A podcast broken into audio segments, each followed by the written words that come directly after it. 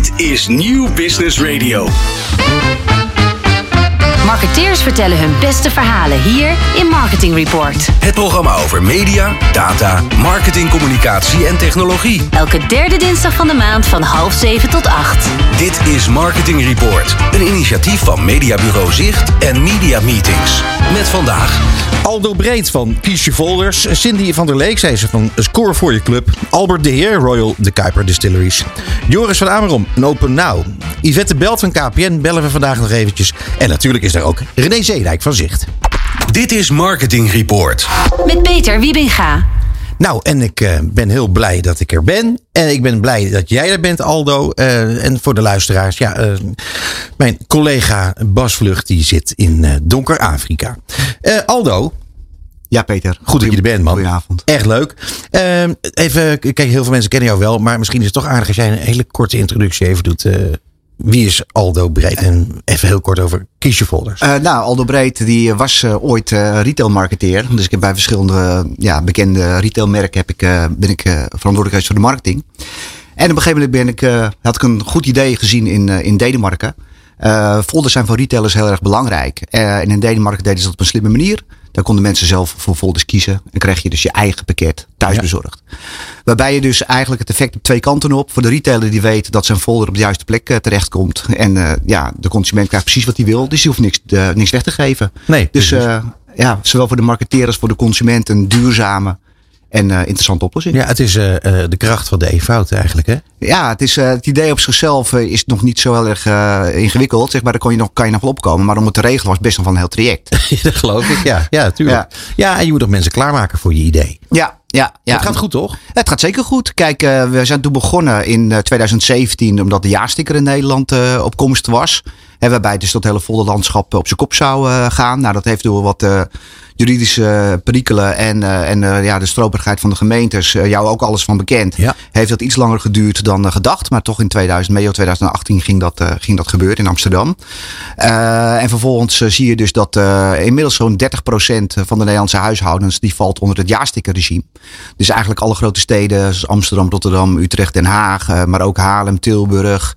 Uh, en eigenlijk ook uh, gemeenten zoals bijvoorbeeld Maastricht en Groningen zijn er ook allemaal mee bezig. Dus niet alleen maar meer Randstad. Mm -hmm. uh, want je ziet gewoon dat je enorm kan, kan aan, aan, aan grondstof kan besparen. Hè? Dus de hoeveelheid papier dat ja, toch de consumenten bereiken, die is alleen maar minder. Dus daarmee is er wel een verschuiving van, van kosten. Hè? Dus bezorging wordt duurder. Maar ja. uh, de, de, je hebt minder papier nodig. Dus uh, ook kosten. Hoe gaat het nu met die, uh, met die ja-sticker? Ja, de ja-sticker, die, dat heeft, even, dat heeft een hobbel gehad. maar de laatste jaren is het behoorlijk snel uitgerold. En ook dit jaar ja, zijn er weer veel gemeentes bijgekomen. Dus ook Zaanstad is recent begonnen. Ehm, Zo'n 30% van de huishoudens valt nu dus onder die sticker. Maar ik verwacht met alles wat er op de rol staat en in de gemeentes waar het besproken wordt, wordt dat toch wel 50% dit jaar. Dus okay. uh, ja. En wat betekent dat voor jou en je activiteiten? Ja, voor mij betekent dat uh, is interessant, want daar groeien we gewoon echt in mee. Ja. Uh, dus mensen moeten een keuze gaan maken. Dus ik krijg de folders niet meer automatisch. Dus ik moet wel doen of ik moet een jaarsticker plakken. Maar je ziet ook gewoon dat voor heel veel mensen het zelf kunnen kiezen nog een betere oplossing is. Hè? Want bij een jaarsticker krijg je toch een voor jou vertel even hoe het werkt. Ja, dus consumenten die gaan naar onze site. En die geven eigenlijk aan van welke retailers. Kiesjefolders.nl. Ja, ja. kiesjefolders.nl. En welke, welke folders ze willen ontvangen. Uh, en wij zorgen ervoor dat dat uh, iedere week wordt samengesteld in een eigen pakket. En dat wordt geadresseerd door PostNL, wordt dat, uh, wordt dat bezorgd. Ja. En dat werkt heel erg goed. Hoe reageren de mensen erop? Ja, kijk, we komen natuurlijk bij de echte folderliefhebbers. Hè? Dus ja. ook toch, uh, dat is even nog een heel groot uh, deel van, uh, van Nederland. Dus er is laatst weer een onderzoek gedaan door GFK. nou ja, 75% van de mensen die oriënteert zich graag op aanbiedingen als ze boodschappen gaan, gaan doen. En nou, bijna de helft daarvan doet dat graag het liefst via een papieren folder. Hè, natuurlijk zijn er ook wel mensen die uh, online dingen zoeken. Maar eigenlijk het nummer, op nummer 1 staat uh, voor folderinspiratie of voor aanbiedingeninspiratie is gewoon de papieren folder. Ja. Dus ja, die markt is er. en die, ja, die, en hoe komt dat, Aldo? Ik nou, dat, zou, dat moet een reden voor zijn, toch? Dat, dat de helft van de mensen eh, liever die, die, die papieren folder heeft. Ja, het papier is ook gewoon, gewoon handig en leuk. Hè? Dus ehm het valt op de, vooral op de, op de, op de de- deurmat. Hè? Je struikt erover, je, je hoeft er niet naar te zoeken. Je legt hem op de keukentafel. Je neemt ook op koffie en je gaat bladeren. En Ja. is, eh, je gaat kijken wat je boodschappenlijstje Ontspanning. wordt. Het is ontspanning. Het is natuurlijk, je gaat voor voordeel. Maar het is ook entertainment. Het is ontspanning. Het is inspiratie. Dus, Is, dat, is daar een, een verschuiving gekomen ook in, in de manier waarop eh, folders gemaakt worden? Eh, je ziet wel steeds ook, nou bijvoorbeeld Blokker, die doet eigenlijk geen eh, plaatje prijs meer, maar doet vooral inspiratie. Ehm, maar dat, wil, dat is eigenlijk gaat het nog beter, is de, is de mix. Hè. Je ziet natuurlijk de laatste paar jaren dat de food retailers sowieso, nu paas komt hij weer aan, komen ze allemaal met een magazine. Ja. Ehm, ja, en dat werkt dus ook gewoon heel goed. Hè? Dus er is wel meer oog voor inspiratie. Maar ja, ook eh, ja, de, de retailer zoals, zoals Hema, die had vorig jaar nauwelijks folders. En die, zien, die gaan toch nu veel meer folderen. Omdat het gewoon een plaatje prijs op papier werkt gewoon, eh, werkt gewoon goed. Hey, en eh, eh, online, hoe, hoe, hoe gaat dat dan? Want als 50% voor papier gaat, dan gaat 50, de andere 50% voor online. Nee, aan. nee. Dus ook een beetje vergelijkbaar gedeelte gaat voor die zegt van ik vind de aanbiedingen belangrijk, maar ik zie ze wel in de winkel. Oh, oké. Ja. En dan zie je dat eigenlijk de, de, de, de, de apps van de retailers worden wel steeds populairder. Hè? Dus de, de, de retailers, die moet je wel een hele grote zijn. Hè? Dus de, dus eigenlijk denk ik voor de vijf tot tien grootste is dat, eh, is dat een kans om, eh, om als, met een app op een, eh, op een smartphone te zitten. Eh, verder eh, heb je ook die bladerbare folders. Nou, die bestaan natuurlijk ook al meer dan tien jaar. Daar zie je wel van dat dat ehm, ja, redelijk stabiel blijft. Het is wel wat gegroeid hè, sinds DPG natuurlijk ehm eh, reclamefolder.nl heeft, heeft overgenomen. Die hebben er veel aandacht aan gegeven. Maar de, de, groep mensen die daar gebruik van maakt, blijft eigenlijk nou, de groeit nauwelijks meer, zeg maar. Dus dat is, dat is dan ja, eh, de- toch een bepaald medium voor een bepaalde groep. Ja.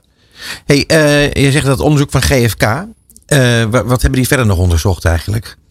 Ehm, nou, die hebben eigenlijk onderzocht hoe de, hoe de, de ja- en de nee-sticker, hoe, hoe bekend die was. En hoe verder dat voor mensen een probleem was of juist een kans. Nou, eigenlijk wordt daar wel goed op gereageerd.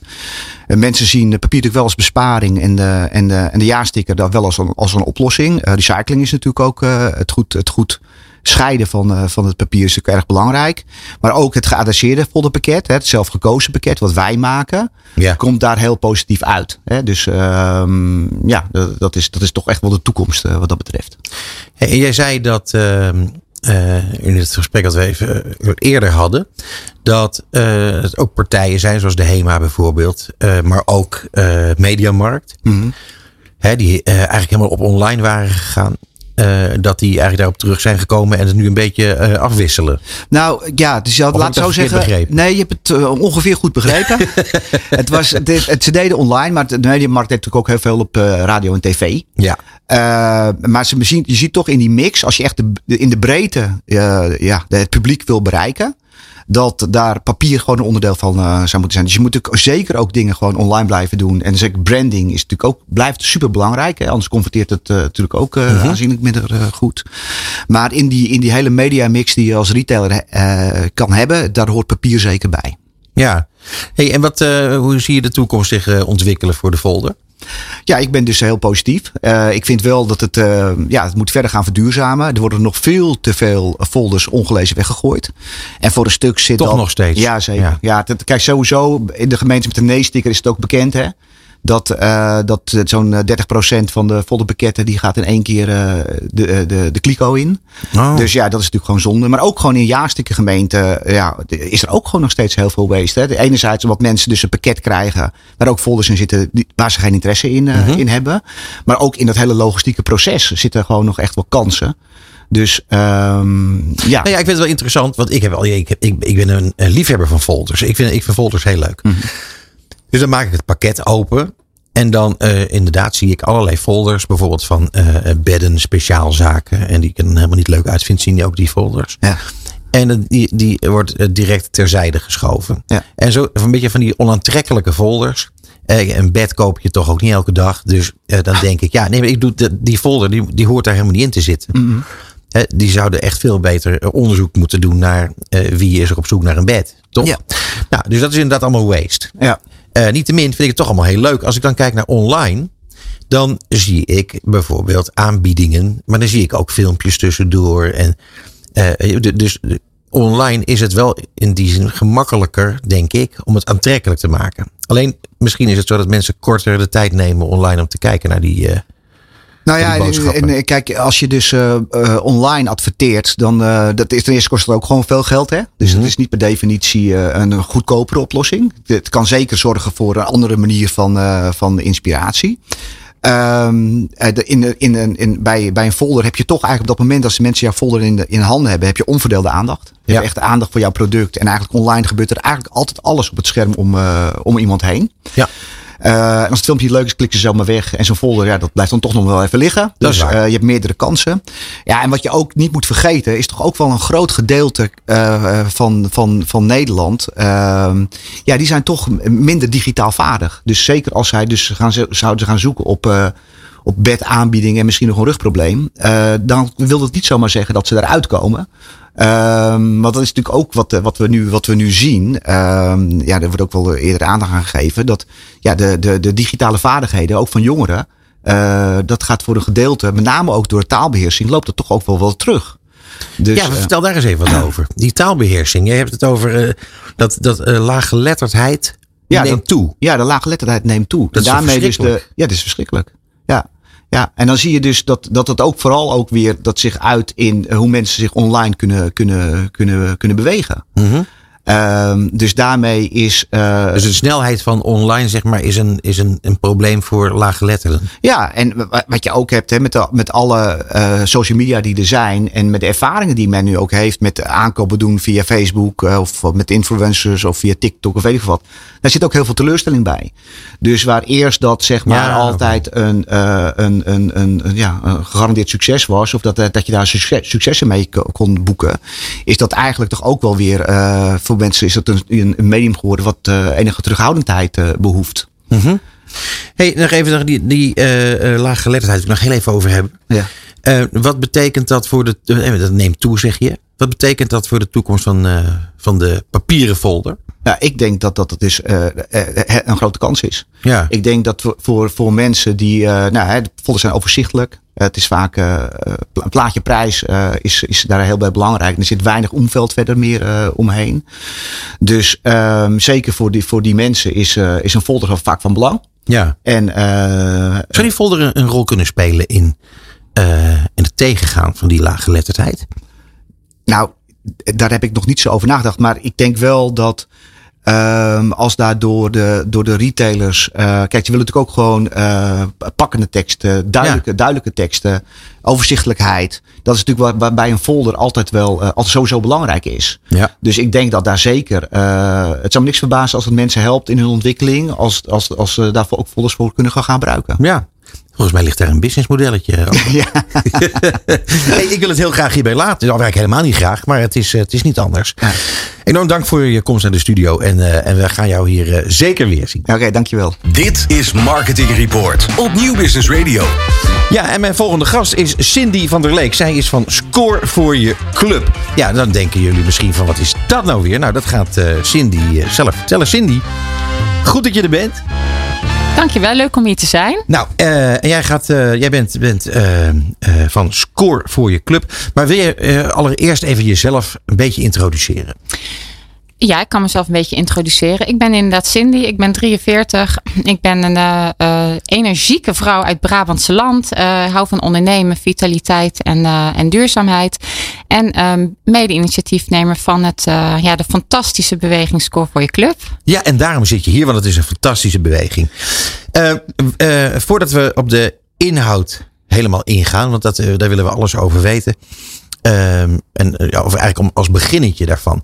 Waarom is Score voor je club bedacht? Want jij bent een van de twee initiatiefnemers? Ja, een van ja. de twee. Ja, ja, klopt. Met een team natuurlijk. Van, wij zitten met een heel team. Een stuk Intussen. 15 man. In, in, ja, vanaf het begin ook al met een okay. kleiner team zijn we gestart. Want we kunnen niet als zelf uh, bouwen qua techniek. Maar uh, uh, we zijn met een, een klein groepje begonnen. En twee initiatiefnemers. Ja, ja. ik en Marcel Vergalen. Ja. En wat was de probleemstelling? Want jullie hebben iets bedacht waarvan je ja, zegt dan dit is nu echt nodig.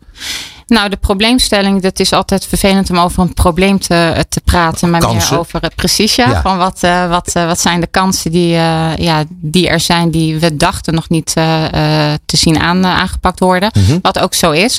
Ehm, maatschappelijke instanties en clubs en verenigingen, die hebben natuurlijk het heel, eh, eh, een heel raar iets eh, eigenlijk om zich heen hangen.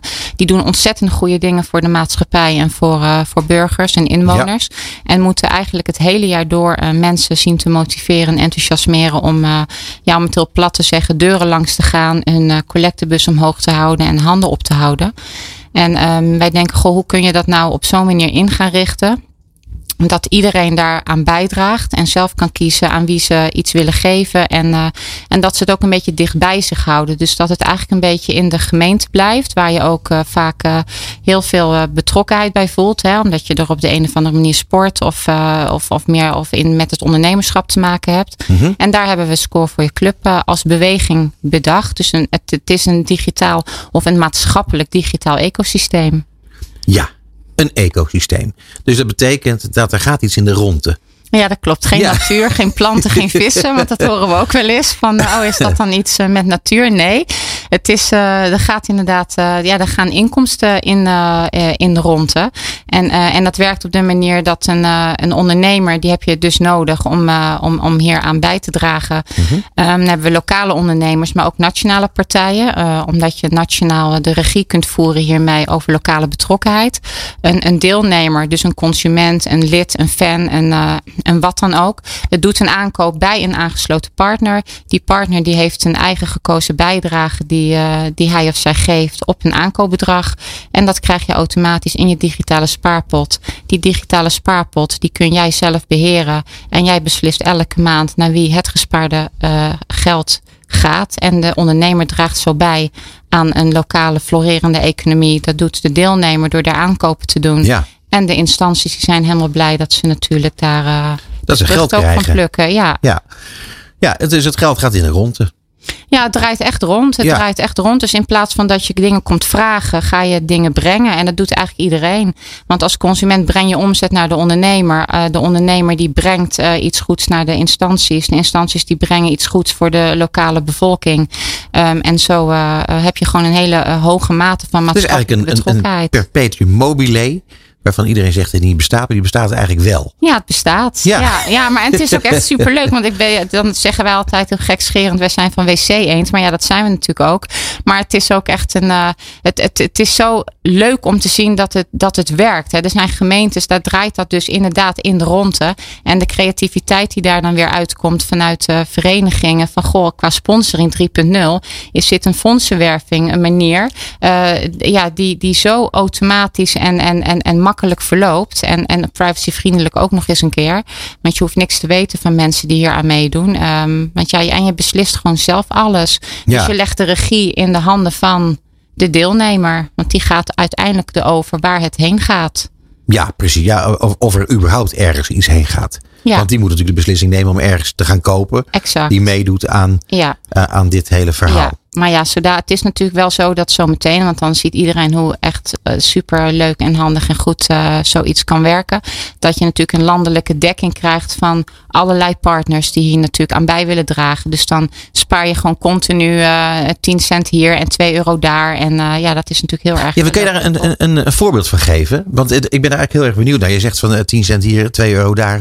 Hoe ziet bijvoorbeeld eh, eh, die 10 cent eruit? eh, op wat voor product en wat eh 2 euro?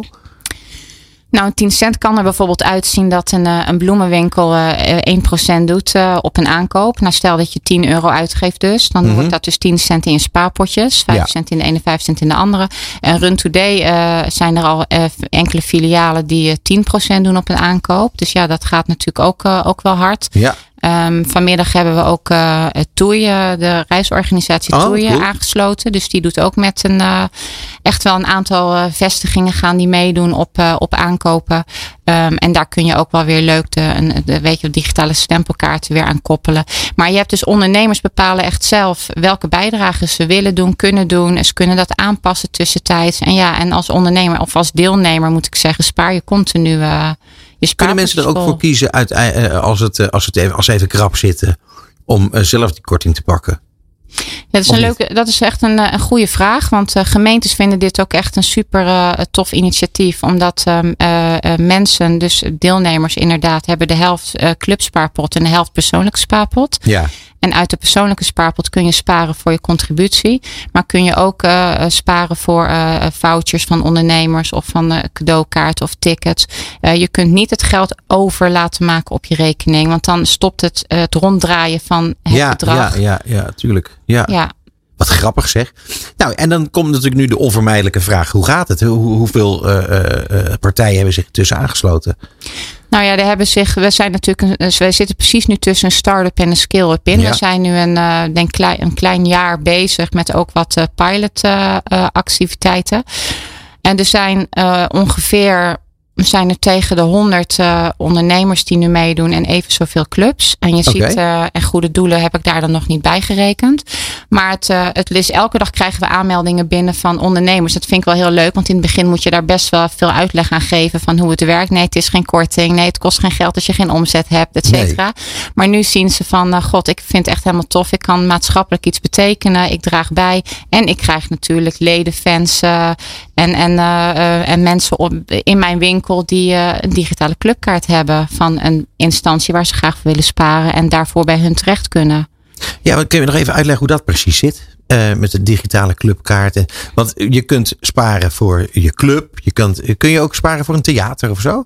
Ja, je kunt ook sparen voor theaterkaart. Als een theater meedoet en kaarten ter beschikking stelt die je kunt kopen vanuit je persoonlijke spaarpot, dan kun je op die manier ook weer de cultuur ook weer natuurlijk supporten. Nou. En, en alle, alles wat maatschappelijk uh, van belang is uh, en een stichting is of bij een bond is aangesloten, kan heel makkelijk een digitale clubkaart aanvragen. En starten met het activeren van uh, mensen in hun netwerk.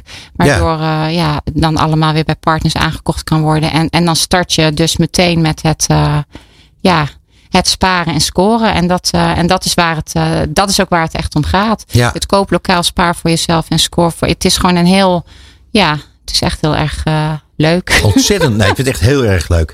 Maar uh, dan moeten we even over marketing hebben. Want uh, jullie, jullie zijn aan het groeien. Jullie zijn ergens gestart. mensen vinden het een heel goed idee. Gemeenten, zeg je net, vinden het een goed idee. Ehm, ja, je kan hier eigenlijk nauwelijks op tegen zijn. Hè? Ehm, wat, wat gaan jullie nu allemaal doen? Of wat ben je aan het doen om nu echt flink door te stoten? Nou, daar begint, vind ik dit dus alweer een heel leuk voorbeeld van. Ik denk, nou, dat is echt gewoon super tof. En dan kun je het echt nog meer onder de aandacht brengen. Uh, wij zijn heel erg uh, actief met uh, lokale marketing van gemeentes die live gaan. Om daar de, de, de, de, de binding nog groter te maken door te zeggen dat er afgetrapt wordt met het initiatief. Ja. Um, verder zijn wij, kunnen wij nu gewoon goed werken door middel van informal investors die, die wij aan boord hebben.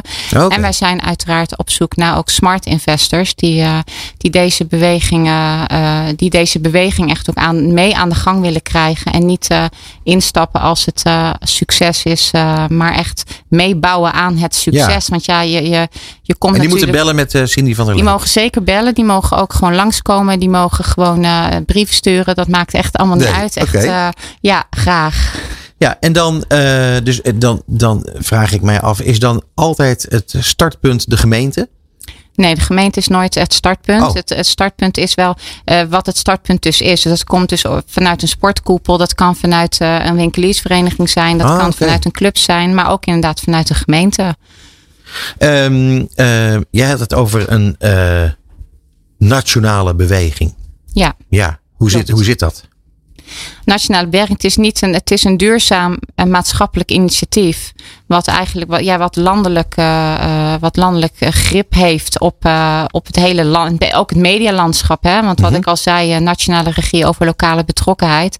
Ja, is nogal een, een manier om, ja, om iedereen te mobiliseren. Gewoon, het is echt een, een, een voor en door iedereen beweging. Dus ja, hoe meer mensen erin stappen, hoe succesvoller het wordt voor ook echt iedereen.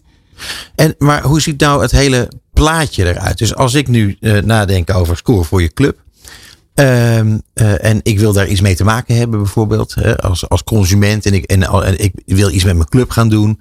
Uh, hoe ziet dan mijn journey eruit. Journey, ja. ja. Nou ja, Journey is een hele mooie onboardingsjourney. Maar Ja. je kunt dan eh, kijken of ze een digitale clubkaart hebben aangevraagd. En dat eh, de, me- de meesten hebben dat natuurlijk, we doen dat al. Maar er zijn er nog heel veel die, eh, die dat nog kunnen doen. Mhm. Die kun jij dan activeren. En daar kun jij dan direct mee, mee shoppen bij aangesloten partners. En starten met sparen voor je club. En wordt het ergens, zijn de resultaten ergens bij te houden? Ja, of die- is dat alleen voor, voor de betrokkenen? Nee, resultaten, daar zijn we wel eh, voor aan het werk eh, om daar dashboards voor te ontwikkelen. Voor zowel de ondernemer, dus de partner, als voor eh, de clubs en instanties. Zodat ze bij kunnen houden van wat gebeurt er precies, hoeveel kan ik verwachten. wat zijn de piekmomenten in mijn winkel met mensen die, die zo'n kaart bijvoorbeeld hebben. Het werkt ook allemaal zonder kassakoppelingen, zonder pasjes te scannen. Maar wij werken echt hard aan de ontwikkelingen in de app zelf. Want het gaat om een, om een wallet app waar het in, in Mhm. werkt. Ehm, en de, de dashboard mogelijkheid, daar, eh, ja, daar wordt ook echt Ja, hier komen natuurlijk gewerkt. hele interessante data ook uit voor diverse partijen. Lijkt Ja, mij. maar omdat het een privacyvriendelijke applicatie is, is dat het is allemaal geanonimiseerd en eh, het, je hoeft er geen account aan te maken. Nee, en maar die- niks. maar die data Je kunt- ontstaan toch? Ja, je hebt wel data van bezoekersdata bijvoorbeeld en pieken die je dus inderdaad kunt zien en, eh, en spaardoelen die clubs kunnen aanmaken. Daar kan je dus ook bij zien wat vinden mensen interessant om wel aan mee te, bij te dragen en wat vinden ze minder interessant. Dus daar kun je Mhm. inderdaad kun je veel insights ook weer uithalen voor, eh, voor alle partijen die meedoen. Hey, en tenslotte, waar kunnen mensen zich aanmelden? Nou, mensen kunnen zich aanmelden bij meedoen at scoreforyourclub.nl. En eh, ja, het, is echt, eh, het doet echt eh, helemaal geen pijn. En het brengt alleen maar heel veel plezier en, en lol. En omdat we natuurlijk in ontwikkeling en in beweging zijn, eh, staan we hartstikke open voor alle verbeteringen, input en bijdragen van iedereen. En ja, we hopen dat we het met z'n allen ontzettend succes kunnen gaan maken. Want daar wordt echt Nederland een heel stuk leuker van, denk ik ook Nou, echt. ik denk dat je gelijk hebt. Dames en heren, meedoen at scoreforyourclub.nl. Cindy van der Leek, dankjewel voor de komst naar de studio. Dankjewel ook, Peter. Dit is Marketing Report. Met Peter Wiebinga. Ja, en we hebben nog in de tweede uur hebben wij Albert de Heer van Royal de Kuiper Distilleries. Joris van Amerom van Open Now. Yvette Belt gaan we nog even bellen van KPN. En natuurlijk nu René Zeedijgt.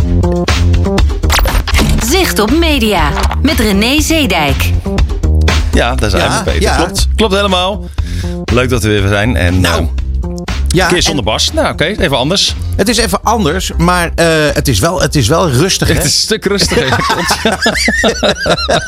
Gelukkig hebben we Ron Lemmens nog. Klopt. Ja. ja, zeg maar, eh, eh, René, waar gaan we het over hebben vandaag? Nou ja, toch wel over de, de uitspraken van minister Frank Weerwind. Die Ja. kwam opeens in het nieuws over de, een dreigende verbod op de online kansspelreclame. En daar wil ik het eigenlijk als eerste eens over hebben. Dat is natuurlijk Nou. best wel heftig. Ik bedoel, nou, ik denk dat iedereen wel, ja, natuurlijk als je s'avonds tv kijkt of radio luistert. eh, Je kunt er niet omheen. Het is Hè, de- de- enorm. Die, die gokmarkt Enorm. is ook gigantisch. In elk blok eh, kom ik wel één of twee eh, commercials tegen. En alleen het raar is, kijk, die markt is, is voor de mensen die het niet weten in 1 oktober jongsleden eigenlijk vrijgegeven. Ja. En sindsdien zijn er eh, 11 partijen, ik heb nog even nagekeken, 11 partijen actief. Die nou, best flink investeren om natuurlijk zoveel mogelijk spelers naar hun eigen platform toe te krijgen. Vaak vanuit een mogelijkheid om, om te bieden op of te, te, te voorspellen wat de sportuitslagen worden. En langzaam zo naar het, eh, naar het gambling eh, toe te krijgen. Ehm, maar goed, opeens zegt de minister van ja, wacht eventjes. eh, het wordt veel te veel aan, aan advertising. Het wordt veel te druk in die blokken. Ik wil er eigenlijk vanaf. Dus dat is natuurlijk nu vijf, zes maanden later. En nu gaat hij ook wel serieus een, een, een, een, voorstel indienen bij de Tweede Kamer. Om dat te vind, stoppen. Ja. Kijk, ehm, dit zag je natuurlijk gewoon riant van tevoren aankomen. Ja. Het is namelijk een enorme markt en dat blijkt er te zijn. En er zijn allemaal cijfers uit het buitenland eh, die hadden ze kunnen raadplegen. Ja. Eh, het is vrijgegeven en eh, een heel zootje partijen gaat die markt op. Nou, die verdienen gelijk scheppen met geld. Mhm. Ja. En die hebben dus ook de mogelijkheid om niet alleen in het begin hè, te investeren in advertising. Mhm. Maar er komt nu zoveel geld binnen dat ze gewoon flink kunnen doorpakken. Klopt. Dan, wat ik mij dan afvraag, waarom heeft die overheid dan geen richtlijnen gemaakt voor de wijze waarop reclame Ja, gemaakt nou, wordt? dat, dat vraag ik mezelf Hè? ook af. Van, zorg dan voor een goede regulering en maak Precies. daar afspraken over. Maar kijk, Want er zitten, er, er zitten reclames bij waarvan ik denk, van, joh, dat kan gewoon niet. Nee, daar is- daar is nul uitspraken over gedaan. Dus ze zeggen alleen van je mag s'avonds na 9 uur tot 's ochtends 6 uur adverteren. Eh, nou, 11 partijen zijn vol in die markt gedoken. En die partijen weten ook nog dat er een paar hele grote partijen nog het aankomen. komen. Die nu nog op het strafbankje zitten. Eh, die mogen na 1 april eh, de markt opkomen. Dus ze willen natuurlijk al die partijen nog eens voor zijn. Dus ja, Ja. De, de advertentie inzet is, is gigantisch. Dat, dat is ook zo. Ik heb zelfs even nagekeken. We hebben Nielsen kan je dat nakijken. Dat in januari, februari vorig jaar deze markt 2 miljoen gemiddeld op radio televisie. Bruto. En nu is het 20 miljoen. Dus het is echt 10 Hallo, keer zoveel. machtig. Gigantisch hè? Maar wat gaat het betekenen dan voor, eh, eh, als, als dit verboden zou worden? Ja, nou, dan, dan, dan, nou, wat ze nu voorspellen Ja. is, is eh, wat, wat, wat, wat, wat, wat je hoort in de wandelgangen, is dus dat de radio televisie eigenlijk wordt verboden. Dat je nog alleen sponsoring van programma's. eh, en nog wel, je mag liëren aan, aan voor sport. eh, ehm, eh, wedstrijden. Aan, eh, en en dat, dat eigenlijk dat, dat het enige is wat mag. Nou, ik heb begrepen dat Ster, Talpa, RTL, al die partijen op bezoek, bezoek zijn geweest bij eh, minister Frank Weerwind. Maar dat het dus niet is gelukt. En eh, eh, kijk, met name die tv-markt die wordt echt flink geraakt. Want dat is natuurlijk, daar is een enorme grote branche op. Ja. En daarom eh, had ik ook bedacht eh, samen met jou van laten we eens eventjes eh, op zoek gaan bij eh, Michel van der Voort. Hij is directeur van Screenforce. En Screenforce is dus eh, de, de Nederlandse tv-marketingorganisatie. Ja. Om eens even te horen wat de laatste stand van zaken is. Eh, Michel, ben jij daar? Ja, ik ben er. Goedenavond. Ja, goedenavond. Goedenavond. Eh, nee, nou, Peter. Fijn dat je er bent. De- ja, eh, eh, de laatste stand van zaken is dat eh, we zitten eigenlijk te wachten op de brief eh, die minister Weerwind aan de Kamer had toegezegd. Mhm. En eh, de, de verwachting was eigenlijk dat hij vandaag naar de Kamer zou gaan, maar we hebben net nog even de mailbox gecheckt en alle alerts die aanstaan, maar de brief is nog niet verstuurd. Dus Hmm, we, we zijn nog even in het ongewis wat dat betreft. Ja. En wat verwacht is- jij dat er ongeveer in staat in die brief? Straks. Dus Nou, een verbod, maar wat precies? Ja, want het is niet zozeer dat, dat eh, minister Weerwind zelf per se een verbod wil. Hè. Het is echt dat er een aantal eh, Kamerleden ingestemd hebben met een motie van, eh, van Nispen. En die heeft gevraagd om een verbod voor eh, reclame voor online kansspelen. En dan gaat het vooral om ongeadresseerde reclame. En nou, er zijn inderdaad gesprekken geweest, niet alleen met, met de Nederlandse broadcasters, maar ook met de kansspelaanbieders. Want de minister wil kijken wat hij op korte termijn al kan realiseren om het, zeg maar de, reclamevolumes wat eh, enigszins eh, terug te dringen. Eh, nou, eigenlijk is het zo dat de broadcasters die hebben daar al een verantwoordelijkheid gepakt, want die hebben al eh, bij 1 februari een eh, limiet eh, inge- eh, ingevoerd van één commercial voor eh, online kansspelen per blok. Ja. Ja, daarnaast hebben ze nog wat andere beperkingen ingevoerd. En ze verkopen bijvoorbeeld geen losse billboards meer. Hè. Dus je kunt geen films meer billboarden als online kansspelaanbieder. Eh je commercial mag maximaal 30 seconden zijn. Je mag geen twinspots meer doen.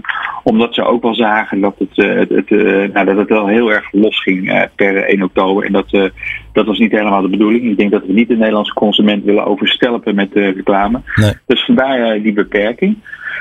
Ehm, ja, wat verwachten, wat verwachten dat er in de brief staat? Het, het blijft een beetje gissen, want eh, die- kijk, juist het feit dat die brief er nog is, eh, kan betekenen dat er nog tot op het laatste moment gesproken wordt over de inhoud van, van de brief. Ik verwacht wel dat, er, eh, dat in de brief de minister aankondigt dat hij een wetsvoorstel gaat voorbereiden. Dat- let op die bewoordingen, gaat voorbereiden. Dus dat betekent dat eh, ze gaan de procedure in, in werking zetten. Maar dat betekent dat tijdens die procedure er misschien nog wel wat eh, beren op de weg kunnen komen. Dat En dat gaat nog wel een tijdje duren dus, denk Ja. ik, als ik het Ja. zo hoor. ja, ik denk dat de, de discussie ging over de hoeveelheid reclame, maar ook over de inhoud van de reclame. Hè. Dat, dat daar hadden jullie het net ook wel even Ja. over. Ja. En ik denk dat bijvoorbeeld het gebruik van eh, rolmodellen, hè, eh, exporters, bekende Nederlanders, ja, dat is misschien niet even gelukkig eh, gekozen. Dus ik verwacht dat er op dat vlak ook wel een toezegging van de minister aan de Kamer gedaan wordt dat daar eh, maatregelen voor getroffen worden. Eh, Eh, Michel, even tussendoor. Eh, denk, jij niet, ja. ja. denk jij niet dat, eh, eh, dat die, die eh, overheid eigenlijk best lang van tevoren wist dat dit eraan zat te komen? Dat die markt opengegooid werd. Hoe kan het dan zijn dat er niet is over nagedacht van tevoren? Of dat daar in elk geval niet iets is mee gedaan. En dat daar nu dan nog eens een keer heel goed over nagedacht moet worden. En, eh, en dat ze dan vervolgens aan het werk gaan om eens te kijken wat er veranderd kan worden. Of wat er met- de wetgeving moet gebeuren. Maar dit is toch allemaal geen, eh, eh, geen rocket science. Dit, is, dit hadden we toch allemaal, allemaal wel kunnen verzinnen. Nee, de, de, de, de wetgeving uh, die heeft geleid tot de opening van de markt. Die is uiteindelijk wel doorheen gekomen door de Tweede Kamer en door de Eerste Kamer. Maar met een hele kleine meerderheid. Dus dat was al kantje boord. Dus daar was toen al heel veel discussie ja, over. En vervolgens gaat de markt los en uh, nou ja, ik wil bijna zeggen breekt het geweld, maar dat is een, uh, niet, geen goede, woord, geen goede woord, woordkeuze in deze tijd. Nee. Zie je dus dat er heel veel reclames voorbij komen. En wat je wel gewoon ziet is dat de politiek in zijn algemeenheid en in het bijzonder op dit dossier heel erg reageert op de publieke opinie. Er wordt over gesproken, er wordt over geschreven. Ja. Vervolgens worden er Kamervragen over gesteld. En wordt er vervolgens op gereageerd. En je zag heel goed dat Sander Dekker, de vorige minister, ja, toch vooral uh, wilde vasthouden aan het beleid en de afspraken die er eerder gemaakt waren. Terwijl de nieuwe minister, ja, weet je, de beste man, het is niet zijn dossier. Hij is net nieuw, dus hij wil niet gelijk de Kamer uh, tegen de haren in gaan strijken. Dus die is wel op zijn op op hoede. Ja. En uh, ja, je ziet wel uh, de, dat in zijn algemeenheid dat de macht van de Kamer aan het toenemen is. Realiseer je wel, het kabinet wat er nu is, heeft geen grote dikke meerderheid. Dus men is wel geneigd om misschien wat, wat eerder dan bij vorige kabinetten om te luisteren naar wat de Kamer wil. En ja, dat werkt nu tegen ons. En Michel, hebben jullie nog zelf nog een, een nieuw voorstel gedaan richting deze minister? je hebt nou, zelf wel een stukje zelfregulering, maar... Nee, nee, want eerlijk gezegd hebben we dat niet gedaan. Nee. Uh, je, je zou kunnen zeggen dat we achteraf misschien onze kruid te, te vroeg verschoten hadden. Want uh, ja, de, de, de, de maatregel die we op 1 februari getroffen hebben, die is eigenlijk al zo drastisch. Ik bedoel, uh, ja, minder dan één commercial per blok, dat kun je bijna niet hebben. Nee. Uh, en nou, plus de, de, de beperkingen die ik net opnoemde over de billboards, het gebruik van twin spots wat we niet meer willen. Ja. Dus uh, ja, wij, wij hebben onze verantwoordelijkheid uh, gepakt daarin.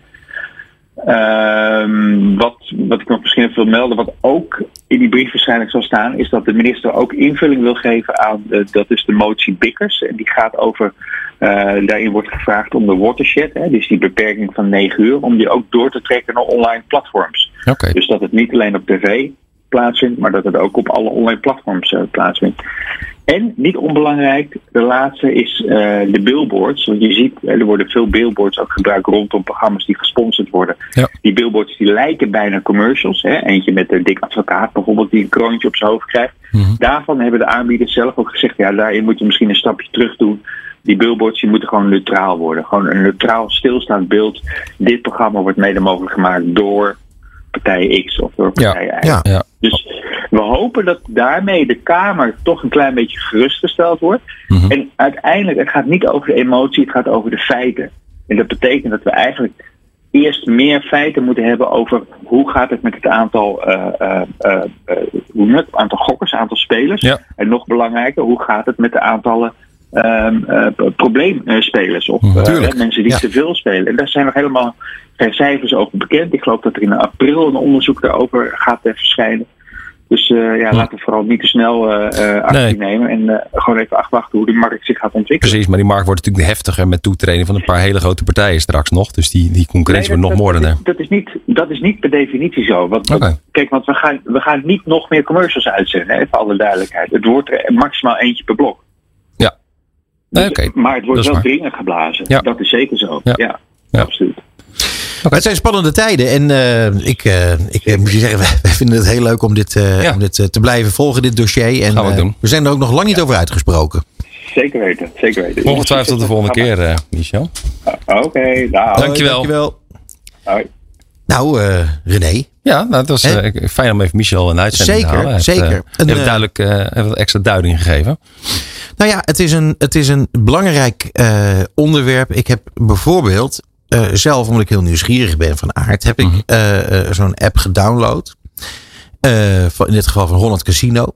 Uh, is me opgevallen dat het al heel, heel secuur gaat. Uh, je, je, moet van alles opgeven en ze weten van alles ja. van je. Ja. Dus je kan niet zomaar als minderjarige zoiets bijvoorbeeld uh, voor elkaar krijgen. Net zoals dat je de fysieke, hè, toevallig was ik een vrijdagavond een keertje in Zandvoort oh. in Holland Casino. sinds tijden hoor, sinds tijden. Maar nou, dan moet je ook echt de ballotagecommissie Ja, precies.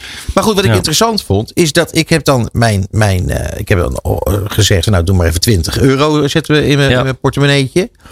Nou ja, dat, dat was ik dus gewoon binnen, binnen anderhalf minuut kwijt. Ja. Dus, uh, en toen ben ik er mee opgehouden. Ik heb gezien hoe het werkte en, uh, en niks gewonnen. En dat uh, hoeft ook niet. Mm -hmm. Maar ik weet nu hoe het werkt. Maar toen dacht ik ook van wacht even. Als je zo snel geld kwijt kunt raken. En je bent verslavingsgevoelig. Dan is dit toch wel echt. Ja, weet je, het is, ik, ik vind het. Ik vind het Tuurlijk. Heftig. veel minder controle dan in een fysieke eh Precies. casino. Dat begrijp Ja. ik. Ja, dat klopt. Dat is ook zo. Ik ben benieuwd. Kijk, ook natuurlijk apart als ik het de eh, Nederlandse overheid eigenlijk nog een beetje twee partijen is. Want hij is ook nog eens een keer de eigenaar onder andere van Toto Ja. en de Holland Casino natuurlijk. Ik dacht het Eh, wel, ja. En, tuurlijk. en eh, ik weet uit betrouwbare bron dat de, het eh, online deel van Holland Casino. eh, dat dat heel, heel erg goed gaat. En dat dat ook heel welkom was na eh, de pandemie. Want Dat toen waren natuurlijk al die eh, tenten waren dicht. Ja, tuurlijk. Ja. hey, maar dan even ten slotte, René. Want eh, het zit er zo'n beetje op. Mhm. Eh, heb je nog wat gewonnen? ja, Ja? ja. Eigenlijk best goed gewonnen. Dat was, Serieus? ja, serieus. Nee, echt waar. Ja, wat geweldig. ging nog hartstikke goed. Dus eh ik Oh, nou, avondje... komen na de uitzending, uitzending gaan we even, wil ik dat even weten hoe dat precies ja, dat is goed. hoe het dat, gedaan dat doen we straks wel om acht uur. René Zeedijk, Ja. dankjewel weer. En we zien Dankjewel. jou en horen jou over een maand weer. Absoluut, ben ik er weer. Tot dan, Peter. Het programma van marketeers. Dit is Marketing Report. Elke derde dinsdag van de maand van half zeven tot acht. Dit is Marketing Report op Nieuw Business Radio. Ja, en wat ben ik ongelooflijk blij, Albert, Albert de Heer, dat jij bij ons in de studio bent. Hey, jij bent van Royal de Kuiper Distilleries. En eh, wat een feest. We hebben ooit eh, overigens eh, de CEO van jullie onderneming hier te gast Ja, gehad. Alweer een, klopt, ja. Mark, die was hier helemaal in het begin toen we net begonnen met, met Marketing Report. Ehm, ja, Albert, misschien even leuk als jij je kort introduceert. Ja, nou ja, ik eh, ben verantwoordelijk eh, voor de marketing van eh, de merkenportfolio van de Kuiper, Koninklijk de Kuiper uit Schiedam. Ja, En we hebben een heel breed scala aan merkjes en producten die wij wereldwijd vermarkten. We zitten in meer dan eh, 120 markten. En, ehm, dat nou is, ja, 100, is dat 120 landen? Ja, Ja. ja. 120 eh, landen. Nog Ja. wel meer. Maar nou ja, kijk, de realiteit is dat de echt belangrijke markten zijn er 15 of 20 die er echt toe doen. Begrijp ik. En de rest eh, zijn we gewoon beschikbaar. En die merken die zijn onder andere bijvoorbeeld Dropshot. Daar kennen de meeste mensen ons van, denk ik. Een van de meest bekende merken hier in Nederland. Ja. Eh, Peachtree. Eh, ook redelijk eh, bekend eh, zijn we hard mee aan de weg aan timmeren. We zijn eh, wereldwijd eh, denk ik wel de grootste in eh cocktaillikeuren. Als je Amerika erbij eh bij Ja, ik ben, ik ben wel eens, eh, was ik in Zuid-Amerika. En toen zag ik eh, gewoon de hele range, eh, de Kuiper eh, likeuren zag ik daar in eh, diverse etablissementen. Zeker ook in hotels. Ja, ja, Ja. dat klopt. Ja, Dus uh, Mooi ja, gezicht we, trouwens. Ja, ze, ja. ja dit, eh, wa- wa- wat ik wel vind- leuk vind over die cocktaillikeur, om daar wat over te zeggen, is dat mensen vaak denken dat het een beetje eh, makkelijk gemaakte producten zijn. Maar daar, eh, besteden we hoop tijd en aandacht aan. En jij bent, bij- jij bent wel eens bij ons in Schiedam geweest. zeker. En jij weet dat we gewoon een prachtige distilleerderij hebben staan, waar wij al die producten ook zelf nog, eh, nog maken. Maar denken mensen dat? Ja, dat, eh, dat idee heb ik wel vaak. Die denken van, oh, dat is een beetje mengen en eh, kleurtje en wat eh, suiker. En dan eh, ah, oké. wordt er wat eh, laatdunkend over gedaan. En, eh, maar Ten ik- onrechte. Ja, want je kan er fantastische cocktails mee maken. Nee, maar bovendien weet ik, want ik loop natuurlijk al heel lang mee in dit gedistilleerd wereldje. wordt er, wordt er, is het gewoon echt hoogst ambachtelijk. Ja, Ja. ja. wij zijn, en, en daar zijn we ook ongelooflijk trots op. En wij, kijk, wij, wij zouden bijvoorbeeld ook die producten kunnen inkopen. Maar wij hebben er echt voor gekozen om het nog zelf te maken. Dus Mhm. eh, die distilleerderij staat daar. En dan maken wij die producten van begin tot einde. Het enige wat we wel samen met eh, partners doen, is het eh, in een fles stoppen. Dus dat gebeurt ergens anders. Maar het hele. eh, Tot, tot, ja, maar dat is ook nog niet zo heel erg lang. Nee, dat nee, deden jullie eerst ook nog zelf. Ja, dat klopt. Dat, eh, nou ja, voor ons bedrijf eh, 1695. eh, sinds eh, 2000 doen we het niet meer eh, zelf in Nee, Schiedam. precies. Dus dat is voor ons betrekkelijk kort. Maar dat 20 jaar is natuurlijk nog wel al, al, een tijdje. Eh, we hebben onder andere ook eh, bijvoorbeeld Rutte eh, in onze portfolio zitten. Een kleine distilleerderij in eh, Dordrecht. Die wij in eh, 2011 hebben overgenomen. Nou, daar maken we ook prachtige eh, producten. Jongen, jongen, jongen, jongen. Nou ja, nee, ja, ik ben een fan. Ja, leuk. leuk eh, ja, goed onthoor ik. Dat wist ik overigens wel. Ehm, maar eh, ja, wat, wat kan ik nog meer zeggen over... nou, heb ik nog een merk over... Ja, we hebben nog een aantal hele mooie kleine merkjes. Zoals Mandarine Napoleon, een uh, mandarijnlikeur. Heel luxe. Herring, eh, een cherry Ehm, dat zijn allemaal merken die we eigenlijk de laatste 10, 15 jaar aan ons portfolio hebben toegevoegd. En dat is wel leuk om te zeggen van eh, in 2018 hebben we eh Hearing Cherry Liqueur overgenomen. En dat is een merk van 200 jaar oud. Dat is echt ongelooflijk Jullie natuurlijk. hè. gewoon in hele oude merken. Ja, want eh Mandarijn, eh, Mandarine Napoleon is eh, bijvoorbeeld uit eh, 1892. Eh, Rutte is uit eh, 1872. Dus Heeft- mensen, als mensen, sorry ik je in, in de reden van, maar als mensen toch heel even kijken op de fles, sinds wanneer het product wordt gemaakt, dan kun je toch niet denken van, eh, er zit rommel in. Nee, nee absoluut niet. Nee, nee, dat nee, wordt. Al, al die tijd al zo gemaakt. Nee, ja, ja, ja, ja, zeker. Nou, kijk, de, de liqueur. Oorspronkelijk is het bedrijf wel begonnen met eh, jenever. En Ja. eh, eh, de Kuiper zelf exporteerde eigenlijk, eigenlijk naar, maar naar een paar markten. Dat was UK, Canada en Amerika. Mhm. En het is eigenlijk li- jarenlang echt een exportbedrijf geweest. Waar twee of drie keer per jaar een grote order werd geplaatst. En er werd ervoor ge- gedistilleerd. En dat werd ver- ver- verscheept. Ja, ja. En eigenlijk is de Kuiper betrekkelijk laat in de Nederlandse markt eh, gestapt. Want eh, tot voor 1950 was eh, Nederland gewoon geen markt binnen de Kuiper portfolio. Ah, oké. En nu is het wel een belangrijke markt overigens. Hebben we hard aan de weg getimmerd de afgelopen jaren. Ik denk dat steeds meer mensen ons zien en dat dat op, opvalt dat we daar druk mee bezig zijn. Nou, nu je het er dan toch over hebt, daar speel jij natuurlijk een belangrijke rol in als verantwoordelijke voor marketing worldwide. Ja, Ehm, wij hadden een evenement met eh, de Media 100 en de Marketing 100. En daar eh, zagen we jou opeens zomaar eens eventjes op nummer 24. Dat is van, er zijn natuurlijk duizenden marketeers.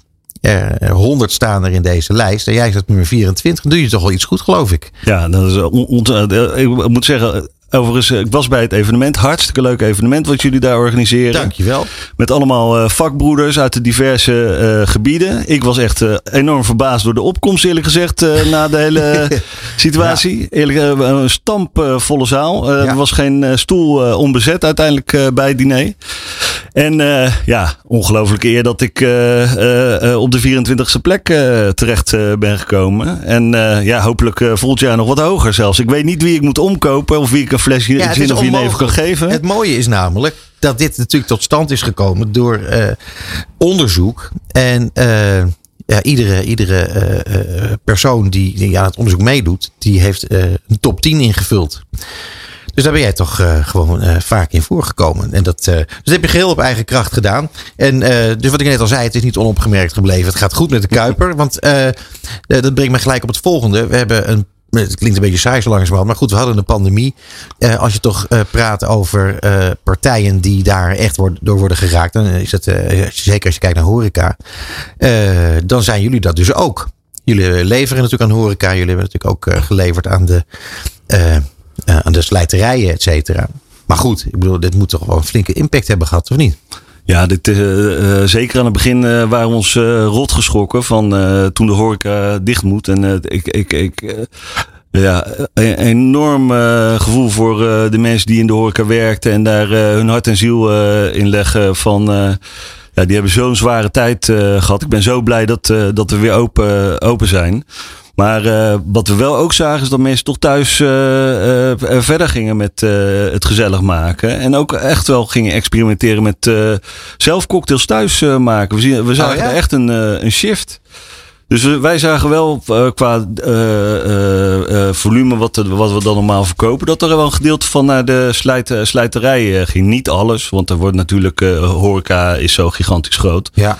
Maar dit had, ja... een, Hey, maar wat ontzettend leuke ontwikkeling. Want dat betekent dat, dat het product en het uiteindelijke eindproduct, een cocktail, dat dat echt tot de huiskamers is doorgedrongen. ja. Ja, maar dat is, dat is voor jullie ongelooflijk goed nieuws? Nou ja, dat is eigenlijk wat we wilden. We hebben een aantal jaar geleden, in 2015 hebben we eigenlijk een nieuwe CEO gekregen. De, die heb jij dus Ja, eh, aan het begin eh, in je uitzending gehad. En toen hebben we gezegd van eh, waar moeten we nou naar kijken? En we waren eerlijk gezegd nog wel ook een beetje een producent van likeuren. En ze zeiden van ja, wat, wat, wat is nou de volgende stap die we moeten maken? Mhm. En achteraf klinkt het altijd logisch. Als hè, de keuze die we hebben gemaakt. En we hebben gezegd van ja, we gaan nu echt ons op cocktails richten. En dat wordt gewoon het allerbelangrijkste. Dat gaan we centraal zetten in alles eh, wat we doen. Ook eh, met eh, betrekking tot productontwikkeling. nou, dat hebben we gedaan. En we zagen gewoon dat daar van alle kanten behoefte aan was om daar invulling aan te geven. Zowel in de horeca, maar ook bij de slijterij. Dat mensen dus gewoon ja, iets, iets, iets leukers willen dan alleen maar een, een standaard biertje of een glaasje Ja. wijn. Wat op, overigens ook niet eh, vervelend is, maar een cocktailtje op zijn tijd voor een lekkere gin tonic. De, en met name gin tonic natuurlijk is ook een, een- eentje die zo hard gaat en eh, zo populair is. Dus Ja. ja, je ziet... je Maar ziet wat heb je daar, hoe heb je dat dan gedaan, Albert? Ik bedoel, marketing-wise moet je dan, moet je dan een, een strategisch plan neerleggen. Ja, we, nou, ja, we hebben goed gekeken van oké, wat is er dan nodig? Kijk, in, in het begin is het eh, gewoon heel belangrijk om kennis te gaan uitdragen. En te zorgen dat mensen makkelijk eh, eh, bij recepten kunnen komen om Ja. cocktails te maken. Wat we ook hebben gedaan in het begin is het echt heel simpel maken. Dus niet meer dan drie ingrediënten, snel klaar, ijs erbij en dat, dat, dat is het. En, en dat hebben we ook in de horeca, horeca gedaan. Eenvoudige cocktails. En je ziet dat dat steeds populairder wordt. En ik geloof dat ook. Dat je op die manier eh, de cocktail kan democratiseren. Is door te zorgen dat het ook laagdrempelig kan zijn. Want eerlijk is eerlijk, 10, 15 jaar geleden, dan als je het over een cocktail had, dachten mensen gelijk aan high-end en cocktailbar en ingewikkeld Ja. en moeilijke drankjes. En dat hoeft het helemaal niet te zijn uiteindelijk. Hè. Uiteindelijk eh, kan het ook een eenvoudige mix zijn. We werken ook samen met heel veel verschillende soorten zaken. Dus we werken ook met de high-end topbars eh, die er zijn wereldwijd. Maar eh, een aantal ketens, zo hier in Nederland, eh, no- noem een eh, Cubanita of De Beren, daar werken we ook mee. En dan doen we gewoon echt simpele cocktails. En dan hartstikke populair. Die worden echt de- veel verkocht in die zaken. Nou ja, ik, ik moet je zeggen, het is mij opgevallen omdat ik ging vroeger dan bijvoorbeeld uit en dan zou ik het niet in mijn hoofd halen om een cocktail te nemen, want die vond ik veel te duur. Maar ik merk aan mijn kinderen, die bestellen gewoon cocktails, joh. Ja. Ik denk, hoe is het mogelijk? Ja. Hè? Dat, is toch, dat, dat is toch wel een, een, een aparte omslag eigenlijk. Maar goed, dat hebben jullie knap voor elkaar gekregen. Eh, je had het net al even over de gin tonic. Ja. Ehm, wij waren echt ongelooflijk blij dat eh, jullie niet alleen een eh, gin tonic bar hadden neergezet bij ons. Het, het sloeg werkelijk bijna helemaal nergens meer op. Gewoon eh, 300 man gelijktijdig aan de, aan de GT's. Ja, dat ja. heeft volgens mij wel een hele grote glimlach ook op jouw gezicht getoverd. Ja, ja, dit is natuurlijk fantastisch om te zien van als je producten gewaardeerd worden en dat mensen het lekker vinden en dat het echt eh, zo ook op, op, op eh, trend zit. Hè? Wat, eh, nou, ik denk één categorie die echt afgestoft is, is wel de gin-categorie. Ik Ja. denk dat je rond 2000, als je zei van ik drink een gin en tonic, dan dachten ze bijna dat je, dat- je 70 was. Of Ja, dat- dat- dat je- het- Met je Sherry 2.0. ja, ja, ja, exact. En dat is er helemaal vanaf. Eh, dat, eh, ja, dat, eh, de- ja, dat is bijzonder, bijzonder om te zien en om mee te maken uiteindelijk. Wat wel grappig is om te zien is bijvoorbeeld dat je dan in Europa is die gin tonic trend echt heel erg groot. Ja. En wij- ik, dacht, ik dacht zelf van dat gaat in Amerika ook zo groot worden. En dat is niet gebeurd. En wat je daar ziet Dat is, is dat, niet gebeurd? Nee, dat, Huh? het- wat grappig is, is dat daar toch nog steeds de Amerikaanse whisky gewoon heel erg groot is. Oh? Dus eh, eh, eh, buiten de margarita, de nummer één cocktail in Amerika. Maar eh, daar, daar drinken ze toch ook nog heel veel eh, whisky. En ik dacht van nou, die gin en tonic, dat gaat daar ook net zoals in Europa een hele grote hit worden. Want we hebben dat in Duitsland, in UK, in Nederland eh, In gezien. UK komt het neem ik aan gewoon vandaan, of niet? Ja, maar daar was het ook aardig inge, ingezakt. En dat, dat, het is daar ook weer helemaal hot. Ja, de groei komt op dit moment uit heel veel verschillende smaken. Maar je ziet uiteindelijk wel dat de kwaliteitsmerken gewoon overeind blijven. Want op een gegeven moment was het wel zo dat er bijna elke dag een nieuw gymmerk bij kwam. Zo. Ja, en het interessante was, je hadden inderdaad allemaal smaakjes. En eh, die, die, heel eerlijk gezegd, eh, want ik ben een liefhebber van, van, van mooie dranken. Eh, ik vond, ik, ik vond eh, het meeste gewoon echt, echt niks bijzonders. Weet je, dat is gewoon geïnfuseerd en met, met, met iets. Ja, ja klopt. Ja. Maar kwalitatief was er eigenlijk weinig aan te beleven. Nee, dan Rutte, dames en heren. Goed, eh, 150 jaar al trouwens, hè? Ja, ja, dat gaan we dit jaar uitgebreid vieren. Dat is wel de bedoeling. Hey, hoe, hoe vervelend is, is, is het dat eh, 150 jaar geleden de naam van meneer Rutte werd gegeven aan deze schitterende Jenevers toen nog en nu dus ook gin. Eh, heb je daar last van? Want het heeft niks met, eh, met eh, onze premier te maken, Nee, toch? nee we, we, we hebben helemaal niks met politiek te maken. En zowel positief als negatief heb ik daar eigenlijk niks over te zeggen. Oké. Het, is, het heeft gewoon niks met elkaar te maken. En ik hoop ook dat mensen dat, dat begrijpen. Dat, Nee, daarom haal ik het nog even aan voor de ja, zekerheid. Ja, ik, Ja. Vind, ik, zou, ik, ik vind het altijd een rare verwarring als mensen echt daadwerkelijk zouden denken dat onze premier hier iets mee te maken zou hebben. Ja, ik moet je zeggen, ik vind dat eerlijk gezegd ook heel erg vreemd. ik heb het namelijk ook al eens een paar keer gehoord tijdens onze events. Ja. Dus ik denk, nou, dan is dat in elk geval nu voor eens en voor altijd eh, is dat eh, opgelost. Ja. Eh, even ten slotte, Albert. Wat is jouw eigen favoriet? Bedoel, jij, jij, jij moet de marketing bedrijven voor, voor zoveel verschillende merken. Ja. Heb je een eigen favoriet of mag je dat niet zeggen? Jawel. Ja, ik heb uh, mijn, als ik, nou, er zijn, uh, ik moet eerlijk zeggen, het is eigenlijk een beetje kiezen tussen je kinderen. Dat kan natuurlijk nooit. Dus ik, het zijn er wel wat meer dan, uh, dan één.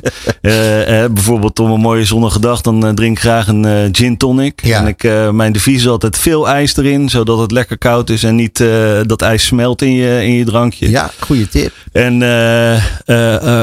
voor in de winter vind ik bijvoorbeeld een Negroni erg lekker. Dat is een deel Campari, gin en uh, vermoed. Nou, die hadden jullie trouwens die hadden jullie ooit uh, op fles. Ja, ja, ja, dat klopt. Hele mooie fles. Waren iets te vroeg. Ja. En, uh, ja. dat, maar. en dan persoonlijk, een van mijn favorieten is Mandarin Napoleon. Dat oh, vind ik ja, vind ik een fantastische liqueur en ik, daar kan ik echt van genieten. Nog steeds. Nog steeds. Ja, dan ga ik die een keer samen met je drinken. Maar zometeen na de uitzending gaan we samen, denk ik, een, een, G, een GT doen. Van ja, lijkt me goed. Uh, enorm bedankt voor uh, dit gesprek. En ja. wij gaan elkaar heel snel weer zien. Leuk. Dit is Marketing Report op Nieuw Business Radio. Ja, en mijn laatste gast, tenminste in de studio dan, is uh, Joris van Amerom. Hij is van Open Now. Welkom in de studio. Dankjewel. Goed dat je er bent. Uh, Open Now, dat is, een, uh, dat is echt een ander bureau dan, dan normaal. Ja, jullie aanpak is anders. Jullie maken reclame, communicatie op basis van gedragswetenschap. Ja. je hebt een lange staat van dienst in, in de communicatie. Maar dit is wat jou altijd eigenlijk het meest heeft aangesproken, begreep ik. Ja, wat, wat, ja. uh, hoe, hoe is het allemaal zo gekomen? Kun je dat vertellen? Nou, ik ben altijd heel erg geïnteresseerd geweest in waarom iets wel of niet gebeurt. Um, uh, dus de, de, de, wetenschap achter uh, reclame, achter communicatie, dat heeft me altijd heel erg geboeid. Um, en uh, ik ken ook al sinds 95 Rick van Baren, mm -hmm. hoogleraar in Nijmegen, gedragsverandering. En uh, ik gaf ook colleges in zijn uh, cyclus. Um, en vandaar, hè, zes jaar geleden is het eindelijk uh, helemaal van de grond gekomen. Een nieuw soort bureau met gedragswetenschappers die eigenlijk op dagelijkse basis ook met creatieven samenwerken aan mm -hmm. vaak complexe onderwerpen. Ja, maar hoe gaat het in zijn werk? Ik bedoel, onderzoek om te beginnen, denk ik. Ja, vaak is er al heel veel onderzoek bij een klant. Mm -hmm. um, Zeker in bepaalde sectoren wordt constant marktonderzoek gedaan. Klanten weten ook veel. Um, wat wij doen is dat uh, onderzoek combineren en kijken wat er uh, in de wereld uh, op het gebied van gedrag is onderzocht. En um, behavioral science is, is, is een discipline die nu een jaar of twaalf in Nederland echt groot aan het worden is. Um, en er wordt wereldwijd ongelooflijk veel interessant onderzoek gedaan dat direct toe te passen is ook op marketingvraagstukken. Ja, uh, natuurlijk hyper interessant. Uh, eigenlijk zou je misschien bijna kunnen vaststellen dat iedereen dit zou moeten doen. Uh, hoe ziet de combinatie dan eruit als je zoveel gegevens hebt over gedrag? Over gewenst gedrag. Uiteindelijk maak je reclame, dus je, je werkt toe naar gewenst gedrag. Um, wat doet dat met, uh, met, met creativiteit? Ja, dat is een mooie. Um, je ziet dat goede creatieven dit soort dingen omarmen. He, dus hoe meer uh, interessante input een creatief krijgt, hoe, hoe, hoe beter dat werkt. Mm -hmm. Hoe meer je ermee kan. Um, je ziet ook heel veel bureaus nu eerste stapjes zetten op dit gebied. Um, dus ja, ik denk dat het een hele mooie combinatie is die uh, heel goed werkt. Maar je uh, moet je wel, sorry, dat ik, ja, je moet je wel blijven, je moet je wel realiseren dat je output maakt. Je maakt uh, uiteindelijk communicatie of reclame. En dat heeft een doel, namelijk gedrag beïnvloeden of gedrag veranderen. Uh, of dat nou aankoopgedrag is of bijvoorbeeld zoals bij één tegen eenzaamheid, dat, dat mensen meer gaan doen tegen eenzaamheid. Mm -hmm. um, maar dat, dat is altijd een gedraging. En creatieve heb je nodig je, om een goede output te maken. Kun je iets meer vertellen even over dat één tegen eenzaamheid? Dat mensen even weten wat, uh, wat was het uitgangspunt, wat hebben jullie gedaan en wat is daar vervolgens uitgekomen? Ja, dat, dat is de case waar we het meest trots op zijn, denk ik, nou, op dat dit treft. moment. Ja, en uh, nee, eenzaamheid, één tegen eenzaamheid is een programma dat al langer bestaat. Hè. Dat wordt vanuit het ministerie van VWS wordt dat gerund. Mm Op een hele goede manier. Die hebben daar echt een, een, een heel groot project van gemaakt waar allerlei bedrijven ook in zitten die uh, zelf ook dingen doen tegen eenzaamheid. Hè, van de kletskassa van Jumbo tot uh, allerlei dingen die een, de NS doet of noem maar op. Het zijn volgens mij iets van 120 bedrijven. En er zitten allerlei regionale coalities, allerlei gemeenten in. Nou, dat hele programma wordt bij elkaar gehouden door het merk 1 tegen eenzaamheid. En um, daar, dat had een hele grote bekendheid. Hè. Eenzaamheid is ook echt op de kaart gezet. Uh, als, een, als een serieus probleem. Ja, ook door onze koning. Door, ja, door onze koning, maar ook door Hugo de Jonge. Ja. Die heeft daar zich persoonlijk voor ingezet. Um, en um, dat is door corona natuurlijk nog eens extra uh, op de kaart gezet. En wat het laatste wat wij hebben gedaan vanuit gedrag is echt focussen op iets doen tegen eenzaamheid. Mm -hmm. dus je, je, weet dat het er is, maar je wil dat mensen om wat gaan doen met uh, eenzame mensen. Uh, Actie. ja, eenzame mensen betrekken bij activiteiten. En, en dat is, dat is een heel erg interessant traject geweest. Maar wat, wat, wat hebben jullie toen vervolgens gedaan? Nou, we hebben daar strategieën over gemaakt. We hebben um, uh, die partijen erbij betrokken. Maar we hebben heel veel communicatie gemaakt. Communicatie, misschien ja, met een tv-commercial onder andere. Ik vier tv-commercials gemaakt. Um, voor één nog een lookie gewonnen. Um, die de hele tijd sturen op dat een een klein gebaar een groot verschil kan maken in het leven van iemand die zich ja. eenzaam voelt. Uh, nou, dat hebben we op alle manieren doorontwikkeld uh, met allerlei uh, handelingsperspectieven aanbieden, samenwerkingen in allerlei media en bijvoorbeeld ook koppelen aan het herkennen van eenzaamheid. Hè, want hoe zie jij als omstander dat iemand eenzaam is? Nou, daar zit een heel gedragsverhaal aan vast. En dat, dat levert dan ineens hele goede resultaten op in mensen die daadwerkelijk iets doen tegen eenzaamheid. Wat geweldig. Ja, dat is mooi dat, dat zo'n campagne speelt daar een rol in. Hè. Het leuke is, dat verbindt de zaak. Je krijgt ook heel veel leuke reacties, ook rond die lookie, dat allerlei um, ja, goede doelen en gemeentes en uh, mensen dat leuk vinden en ook gaan helpen uh, met stemmen uh, werven. Daarom zijn we natuurlijk uh, zo goed gegaan. Maar dat is een geweldig project wat je met elkaar doet. Je zei dat uh, in een, toen we van tevoren even met elkaar spraken, dat gedragsverandering, of gedragsbenadering moet ik eigenlijk zeggen, ehm, dat heel belangrijk is omdat we in, een, in, in verschillende transities zitten. Wat bedoel ja. je daar precies mee? Ja, dat is, dat is een goed punt. Ja, de, um, volgens mij zijn er nog nooit zoveel transities tegelijk geweest in ons land. Mm -hmm. En wij zijn een uh, cultuur, en dat is de hele westerse cultuur, dat je um, mensen niet kan, kan dwingen zich anders te gedragen. Hè. Dus bijvoorbeeld uh, over, neem uh, voedsel, hè, de flexitariër bijvoorbeeld. Hè, ja. opkomst van vegetarisch eten. Dat is zo'n grote transitie, transitie. En om daar stappen in te maken, zullen mensen dat zelf moeten gaan doen. Ja, en er zijn heel veel merken, producten zijn actief in zo'n zo'n veld. En die merken moeten relevant worden en die moeten uiteindelijk moeten Nederlanders anders gaan eten. Mm -hmm. Die moeten minder vlees gaan eten, die moeten al dat soort dingen. Nou, hetzelfde kan je zeggen over, uh, over inclusiviteit. Je kan het zeggen over de energietransitie. Mensen moeten van het gas, die moeten elektrisch gaan rijden. En uh, we kunnen ze niet dwingen. Hè? Dat nee. zullen ze uiteindelijk zelf moeten doen. En, dat jullie... is gedragsverandering. Zijn jullie uh, een eenzaam roepende in de woestijn met jullie bureau? Of zijn er intussen steeds meer bureaus die, uh, die zich op deze wijze manifesteren naar klanten? Ja, steeds meer bureaus doen dat. Uh, maar die huren adviseurs. En wij zijn de enige die die mensen permanent in dienst hebben. En we zijn zeker geen roepende in de woestijn. Want gek genoeg is de, onze overheid een stuk verder op dit gebied dan commerciële merken. Dat is interessant. Ja, ja. We hadden, we hadden net nog een gesprek over uh, met uh, René Zeedijk en uh, over, hij duidt altijd het nieuws, dat er nu heel erg speelt, is reclame rondom online gokken. Ja. Ehm, ja, daar zie je dat, er, dat de overheid eigenlijk weer achter de feiten aanloopt. Maar jij zegt iets eigenlijk het tegenovergestelde hier.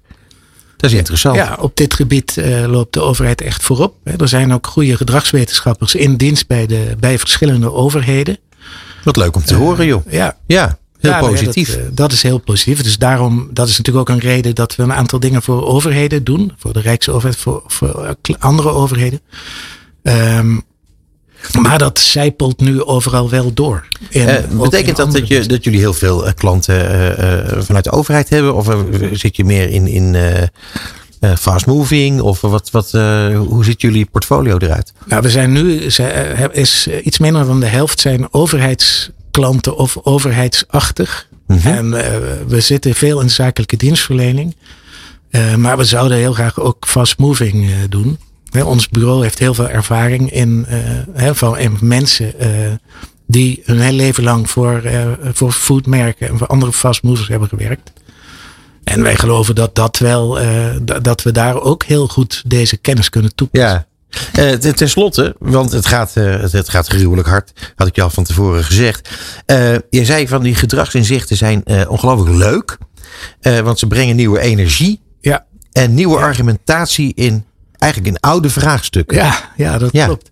Ja, wat, wat, je merkt is heel veel merken hebben natuurlijk steeds uh, de, eigenlijk dezelfde vraag in een andere tijd. Mm -hmm. En die worden steeds, wordt steeds met dezelfde uh, aanpak, uh, probeert men het op te lossen. En wat je nu ziet door nieuwe kennis binnen te halen. Hè, wij zetten ook hè, mensen van 4, 25 ook bij een, bij een klant aan tafel. En die kunnen echt een nieuw licht werpen op oude vraagstukken. En dat maakt het leuk. Ja. En als je met, met de hoogleraar, met Rick of zo werkt, dat, dat is helemaal natuurlijk ook een feestje. dus je krijgt een ander soort meetings en um, waar iedereen veel nieuwsgieriger is en um, ja, op zoek is naar het nieuwe. En dat kunnen, kunnen uh, uh, laten we zeggen, concurrerende uh, reclamebureaus bij jullie ook te raden gaan over hoe het nou eigenlijk allemaal zou moeten? Of zeg je van nou, dat gaan we net even te ver? Ja, dat is een beetje een gewetensvraag. Dat doen we wel eens. Maar dat is niet uh, hoe we willen werken. Want wij geloven wel echt erin dat je creatie ook echt moet aansluiten op, ja. op zo'n gedragsverhaal. He, dat is, uh, kijk, je, moet wel, je kan uh, iemand een auto geven, maar he, je wil wel dat, dat hij ook zijn rijbewijs heeft dan. Ja, precies. Dus, ja. Nee, en, dus en, en, en jullie hebben dat rijbewijs. Nu al een jaar of zes, geloof ik. Ja, dat, als je het zo stelt, zeg ja, ja. Ja, uh, ja ik uh, moet er een, een, punt achter gaan zetten. Ik uh, vind het ontzettend leuk om met jou over dit onderwerp te praten. Ik ga mijn collega Bas, die nu in Afrika zit, vragen om je ook nog eens een keer een geschreven interview te doen. Om hier nog meer over te weten te komen. Joris van Amerom van Open. Nou, dankjewel voor je komst. Dankjewel, Peter. Dit is Marketing Report op Nieuw Business Radio. Ja, en uh, we gaan nog eventjes napraten na deze uitzending. doe ik normaal gesproken met mijn collega Bas Vlucht over uh, de gasten die we hebben gesproken. Maar ja, weet je, om nou met mezelf te gaan praten over de gasten die ik heb gesproken. Vind ik een beetje onzin. Daarom heb ik nog even gevraagd of uh, René Zeedijk er even wilde aanschuiven. Natuurlijk wil ik dat, Peter. Ja, en daar ben ik ook heel blij mee. ik wilde met jou eigenlijk nog heel even hebben over het Media 100 en Marketing 100 event. Ja. op op 9 maart, jongsleden, in de Kromothal in Amsterdam-Noord. Ja. Uh, een, een, een, wat een uh, eclatant succes. Mega succes. En uh, um, ik was zelfs iets eerder daar. We hadden de whitepaper sessie. Ja. Ook dat wil ik wel even benadrukken. Dat is ja. echt super goed was dit uh, deze keer.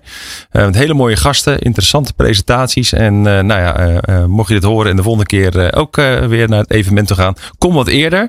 Want dan zal er ongetwijfeld in de whitepaper sessies deel 3 zijn. Zeker. En daarna gingen we gewoon lekker de borrel opzoeken. wat ik heel leuk vond. René Mioch ook complimenten. Deed het ook echt goed.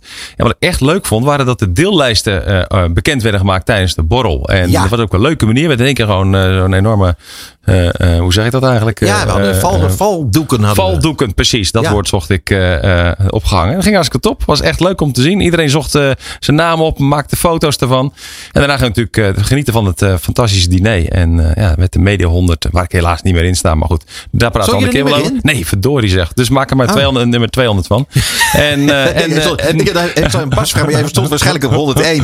dat zal het al zijn. nou, vooruit. En daarna hadden we ook natuurlijk uh, nog eens een keer uh, heel mooi de, de, uitreiking van de Marketing 100. Uh, ja, oh, ja, bekendmaking. Ja, de bekendmaking. Ja, precies. voor de eerste keer ja. dat we niet alleen de top 10 deden, maar gewoon een complete film met de complete Mhm. uh -huh. 100 erin.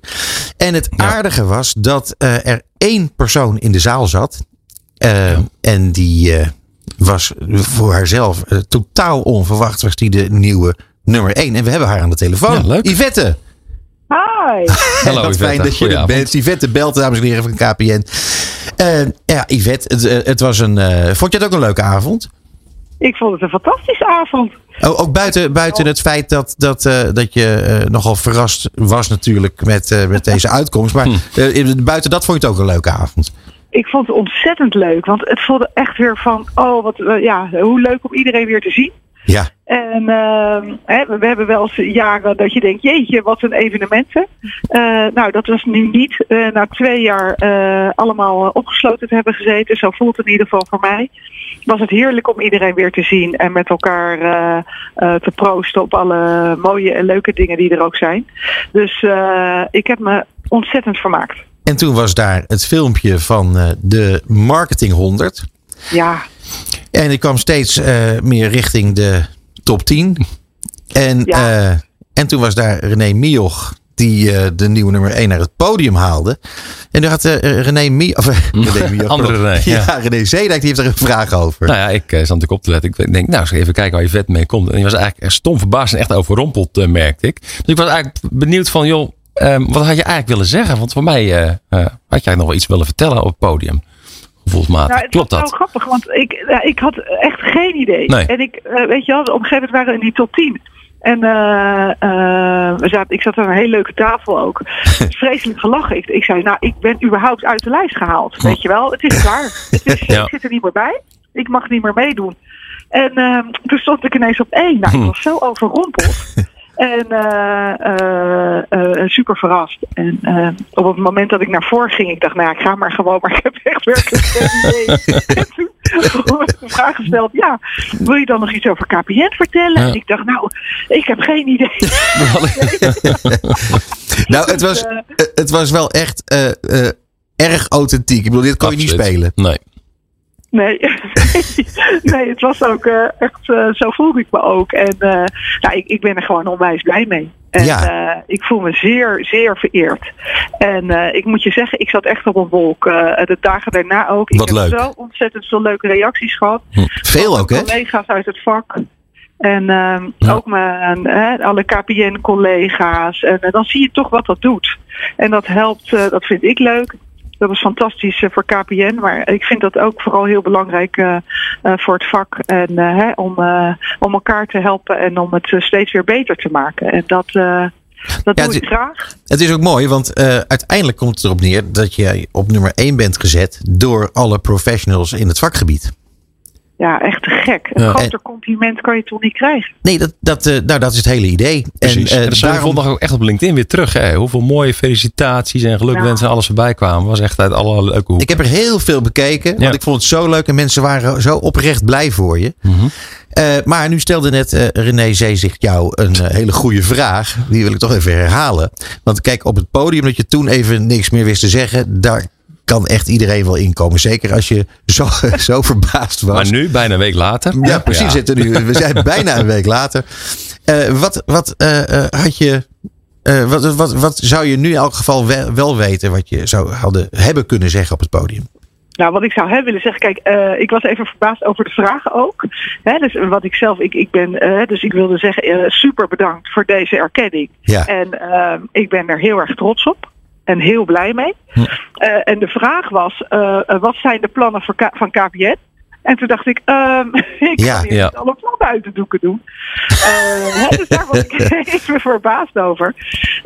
Maar als het gaat vanuit business, weet je, we, hebben wij natuurlijk altijd de ambitie om een zo goed mogelijk netwerk voor heel Nederland aan te leggen. En te Mhm. zorgen dat iedereen verbonden is met elkaar. En op de best mogelijke manier. En als het gaat om eh, eh, ons vak, hè, het vakgebied eh, marketing, dan zijn we op dit moment bezig om onze merkstrategie weer verder aan te scherpen. Ja, zodat we zowel in als eh, eh, extern weer het naar het volgende niveau kunnen brengen. Daar zijn we natuurlijk continu mee bezig. Maar dat is wel ook ja, wat op dit moment speelt. En ja, dat is natuurlijk te gek om te doen. Ja. Nou ja, ik, ik denk eigenlijk dat dat eh, was wat René Mioch bedoelde. Hè, met eh, eh, eh, wat is het laatste nieuws, zeg maar. Een beetje dat, die richting meer op. Ja. Ehm, en dat is dus eigenlijk wat je nu ook zegt. Jullie, jullie ontwikkelen je natuurlijk verder. Eh, eh, Ja. de, de markt groeit, denk ik, of niet?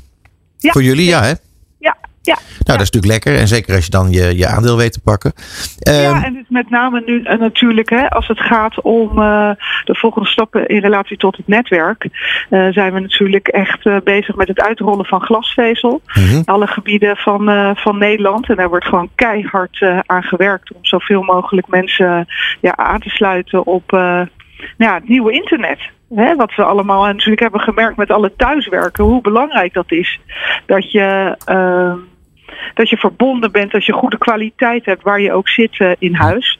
En eh, dat is waar we met man en macht aan wordt gewerkt. Dus zowel het graven in de grond, als we zorgen dat al onze klanten eh, fantastisch internet hebben. Ja, en wie zijn dan echt, is dan ook een delta, hè, hoor ik ook veel terug en, en, en, en, en dat soort partijen. Is dat dan echt dan een, een, zware concurrentiestrijd? Wie als eerste de huishoudens allemaal heeft aangesloten?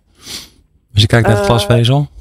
Ja, nou, er zijn inderdaad meerdere partijen eh, die daar eh, mee bezig zijn. Ja. Kijk, en het mooie is natuurlijk, we willen dat heel Nederland eh, eh, toegang heeft tot glasvezel. Hè, dus dat eh, doe je met elkaar.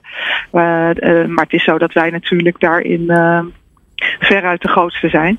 En de marktleider op het gebied. En wat ik altijd wel mooi vind om te merken in Nederland. En daarom vind ik het ook zo ontzettend bijzonder dat ik voor KPN mag werken. Is dat we al zo ontzettend veel jaren bestaan. Hè, meer dan 140 jaar. Ja. En dat er daarmee ook wel heel erg veel vertrouwen is eh, in Nederland bij de Nederlandse consument. Mhm. En dat de consument daardoor eh, graag kiest voor, eh, voor KPN. Hè, Het zit vaak in, het zit in het hart en eh, eh, het vertrouwen dat je een, goed netwerk wilt hebben, het beste netwerk. Ja, dan moet je natuurlijk bij KPN zijn. En we zitten dat hart. Kijk, dat hart dat was heel duidelijk eh, ook zichtbaar op het podium. St- Stop jij dat ook in, in de communicatie van KPN? Ik bedoel, als het, er echt, als het in KPN zit, als het een onderdeel ervan is, dan moet dat natuurlijk in je communicatie tot uiting komen. Is dat een uitgangspunt? Ja, zeker. Ja. Ja, zeker. Ja. Ja. Ja, jij En, zit, helemaal, eh, je zit helemaal op je plek. Ja. Ja, het is gewoon, eh, eh, het is zo mooi dat je eh, voor een merk als KPN eh, dat mag doen. Eh, dat wat ik zei, weet je, dat bestaat natuurlijk al zo ontzettend veel jaren. En ik hoop dat het nog heel veel jaar eh, zal bestaan. En we zeggen altijd, we bouwen het merk om het uiteindelijk weer door te kunnen geven aan de volgende generatie. En dat klinkt misschien een beetje emotioneel. Maar eh, ja, zo voelen we het wel. Ja. En eh, je wilt dat sterk maken. En eh, ja, ik kan dan ook echt wel, als ik op een borrel ben of op een verjaardag of wat dan ook. En hè, dan is het zo, nou waar zit jij? En dan kan ik het ook echt niet uitstaan als iemand bij een andere provider zit. Eh, Nou, gelukkig zit ik bij KPN. eh. het beste. Dat is natuurlijk KPN. Ja, zo is dat. Hey Yvette, ik, eh, ik hoop dat ik jou nog heel vaak ga tegenkomen. Ik denk het eerlijk gezegd wel. Eh, zeker bij onze events. En eh, je bent al een keer hier in de studio geweest. We gaan jou eh, zeker weer een keer uitnodigen. Tuurlijk. Voor nu ontzettend bedankt. En geniet van je nummer 1 positie in de Marketing 100. Heel graag tot snel. Dankjewel. Dag, Yvette. Tot gauw. Tot gauw, hoi. En dit was dan eh Marketing Report. En wij zien en eh, horen jullie en eh, vertellen jullie van alles weer in onze volgende uitzending over precies één maand.